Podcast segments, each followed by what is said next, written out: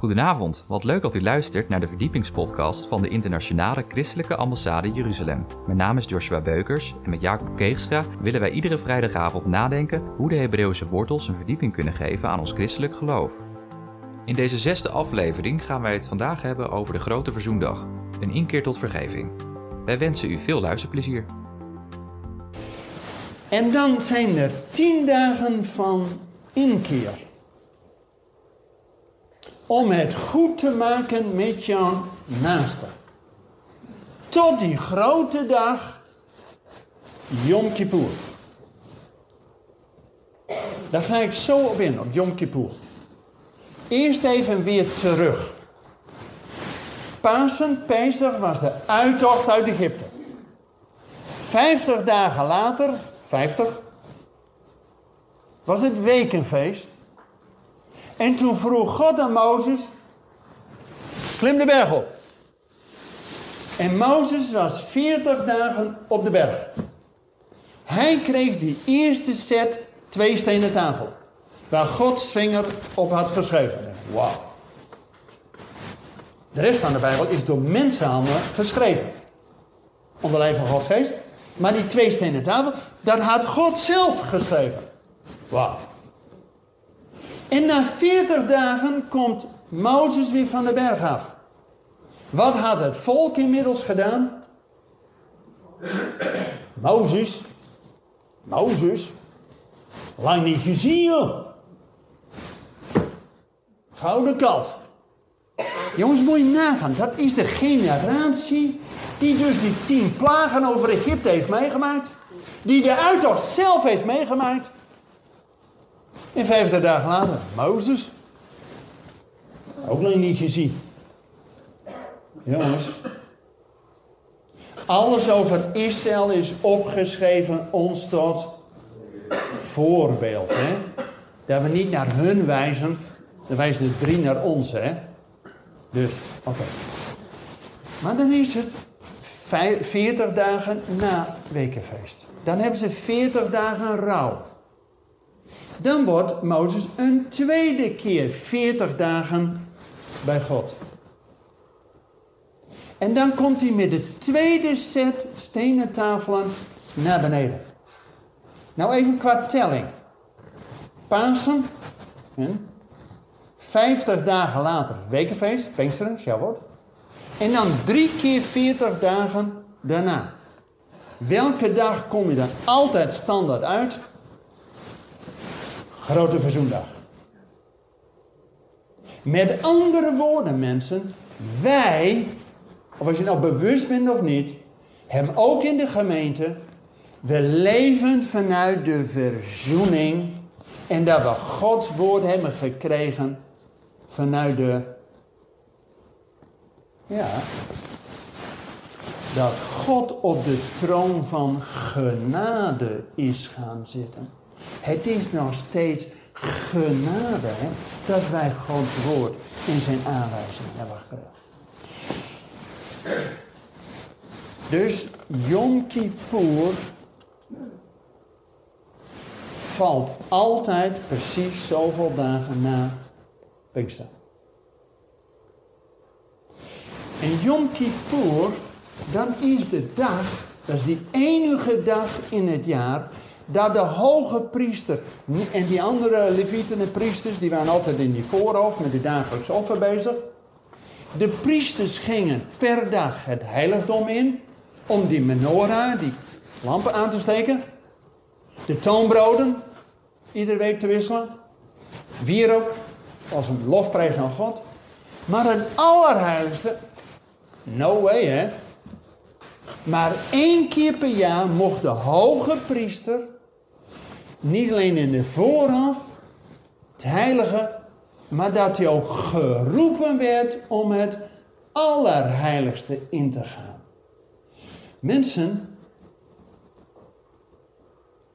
dat betekent dat we met Yom Kippur mogen naderen tot het altaar van God, de ark, met het verzoendeksel. En dat is de plek toen de Shekinah glorie ging neerkomen. Dat is de plek dat de ark, de verzoendeksel, dat is de troon van God. Daar waar mijn voeten rusten, zegt God. Dus hier is de plek waar hemel en aarde bij elkaar komt. En maar één keer per jaar op Yom Kippur, grote verzoendag, dat die hoge priester, die had normaal acht kledingstukken aan, met die uh, mooie edelstenen en de urumentumum en het hoofdband en geweldig. Alles afleggen. Alleen in een linnen lijfrok mocht hij naderen. Dat is de manier. En hij moest eerst verzoening voor zichzelf en zijn huis. En dan kwam hij een tweede keer bij het. Om verzoening te doen voor het volk. Mensen, dat is zo'n les, hè. Hoe kun je ooit bidden voor een ander als het niet goed is tussen God en jou? Hè dan? En er worden in de jaarlijkse cyclussen van de lezingen worden twee schriftgedeeltes gelezen. Leviticus 16 tot 18 gaat over verzoening tussen God en ons. En tegelijk Leviticus 19 en 20. Waar het gaat om verzoening tussen jou en je naaste. En die twee komen precies samen in het centrum, in het focuspunt, in het brandpunt van de Torah. Hebben we het vorige ronde over gehad? Waar staat in Leviticus 19 vers 18b? Heb je naaste lief als jezelf, want ik ben de Heer. Dat is in de cyclus van het jaar. Maar wat nou bijzonder is, in Israël hebben ze alles dubbel. Ze hebben een driejaarlijkse cyclus, waar dit in gedaan wordt aan het Leviticus. Maar ze hebben ook, sinds de val van de tempel, hebben ze ook een eenjaarlijkse cyclus. En weet je wat gedeelte gelezen wordt met Yom Kippur bij die eenjaarlijkse cyclus? Zegt u niks. Het verhaal van de verzoening tussen Jacob en Esau. Dat geeft mij alle hoop dat het evangelie de wereld rond is. Europa, Amerika, Zuid-Amerika, China. Maar die Arabische wereld is nog een barrière. Maar er komt verzoening. Voordat het grote feest, het Loofhuttenfeest, kan losbarsten, komt de verzoening. Omdat men jaarlijks leest, de verzoening proclameert men wereldwijd in alle synagogen, de verzoening tussen Jacob en Esau. Wauw. Maar weet je wat ook bijzonder is? Dat sinds de val van de tempel, ja, is het natuurlijk niet mogelijk voor Israël om de offers te doen. En die periode werd al eerder ingeluid. 40 jaar lang, voor de val van de tempel in het jaar 70, dus vanaf het jaar 30 tot het jaar 70, 40 jaar lang, 40 is afgeronde periode, staan in de Talmud, dat staat niet in de Bijbel, maar dat staat in de Joodse commentaren, dat Talmud, staan er vier dingen die heel bijzonder waren bij die tempel en met name op Yom Kippur. Want bij Yom Kippur werden er twee bokken en er werd het lot overgedaan. Wie voor de Heer werd geslacht en dan het bloed naar het Allerheiligste. En die bok voor Azel en die werd de woestijn ingeleid. En er werd een lot overgeworpen. En 40 keer was, 40 keer, vanaf het jaar 30 tot het jaar 70, de witte steen in de rechterhand. Nou, dat is een kans van 1 op een miljard. Dat, er- want er waren een witte steen en een zwarte steen. Je bent precies hetzelfde. Het zat in een doosje, je kunt van de buitenkant niet zien. Maar de ene was zwart, de andere was wit. En duidelijk. Maar die witte steen in de rechterhand van de Heer was 40 keer in de rechterhand. Dus een kans van een half tot een maag 40, is 1 op een miljard. Nou, teken 2. S'avonds, na alle offers, na het avondoffer, werd de deur van de tempel gesloten. En je had 25 levieten nodig om die grote deuren dicht te doen. Wat bleek? Iedere ochtend als ze bij het ochtendoffer weer kwamen om met 25 man die deuren weer te openen, was de deur al open gegaan. Vreemd. Teken 2. Teken 3. Dat met Yom Kippur werd het boek voor de Heer geslacht en het bloed ging de hoge priester naar binnen. En voor het ark en de altaar sprenkelen. Op het verzoendek.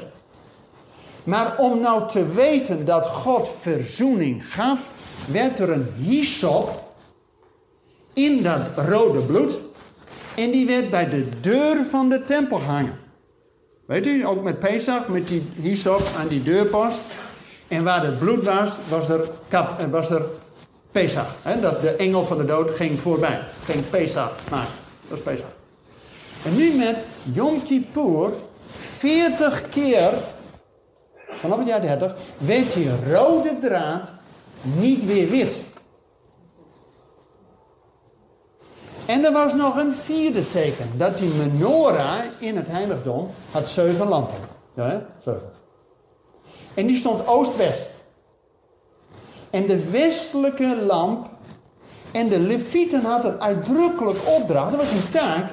Om te zorgen s'avonds dat er voldoende olie is. En dat die kousjes erin eh, goed branden. Dat, die, dat de lamp nooit uitging. Dat was blik voor de Heer. En 40 jaar lang, iedere ochtend als de levieten weer kwamen, was die westelijke lamp van de menorah was uit. Met andere woorden, de rabbijnen die vonden die vier tekenen bij elkaar wel heel bijzonder en zeggen, er is wat aan de hand met die tempel. Nou, wij weten, vanuit het nieuwe verbond, wat er in het jaar 30 gebeurd is. Toen Jezus stierf, wat gebeurde er bij die tempel? Scheurde die voorhang zo van. En een ark was er niet in die tweede tempel. Met andere woorden, God kon op die manier geen verzoening doen. Daarom hebben wij dat God voorzag in het offer dat Jezus stierf voor ons. Buiten de poort, als een bok voor Azel. Maar heeft daarna zijn eigen bloed, is na de hemelvaart de hemelen doorgegaan. Waar, om wat te doen? Om zijn bloed voor het altaar, het, de troon van God, in de hemel te storten. Want de tempel hier op aarde is een afbeelding van het hemelse origineel. Dus Jezus ging niet naar de afbeelding, maar ging naar het origineel toe. Wauw. En daarom mogen wij ook met vrijmoedigheid tot die troon van genade komen. En het mooie, en daar sluit ik mee af, Yom Kippur, als je tien dagen van inkeer hebt, wake up call met Rosh dat je, oh, oh, wake up, maar dat je eerst zelfonderzoek doet, inkeer, dat je tien dagen hebt om het goed te maken met je naaste, voordat je voor de troon van God staat. Maar dat God op die Yom Kippur niet op de troon van oordeel gaat zitten, maar op de troon van genade. En bij Yom Kippur op het eind wordt de shofar honderd keer geblazen. En daarna gaan mensen zich reinigen, wassen, douchen. Als teken van, hé, God heeft ons, ja wacht even, volbracht. Dat hadden we toch al met Pasen. Ja, maar er is een verschil tussen het offer met Pasen en met Yom Kippur. Want het offer met Pasen is voor alle bewuste zonden die je gedaan hebt. Daar is het offer van Jezus. Maar je doet ook wel eens van die onbewuste dingen die wel effect hebben op je naaste. Dat noemt de Bijbel ongerechtigheden. En wat staat er in 1 Johannes 1 vers 9? Indien wij onze zonden beleiden, God is getrouw en rechtvaardig om niet alleen onze zonden te vergeven, maar om ons ook te reinigen van alle ongerechtigheid. Amen. En dan kunnen we, als God kapara verzoening gemaakt heeft met ons, dan kunnen we het feest ingaan. Bedankt voor het luisteren naar deze verdiepingspodcast van de ICEJ. Waardeert u onze podcast? Steun ons dan met een donatie, abonneer u of deel deze podcast met uw vrienden of familie. Ga naar www.icej.nl. Volgende week gaan we het hebben over houten lamp brandende, een oproep tot waakzaamheid uit Matthäus 25. Hartelijk dank voor het luisteren en tot volgende week.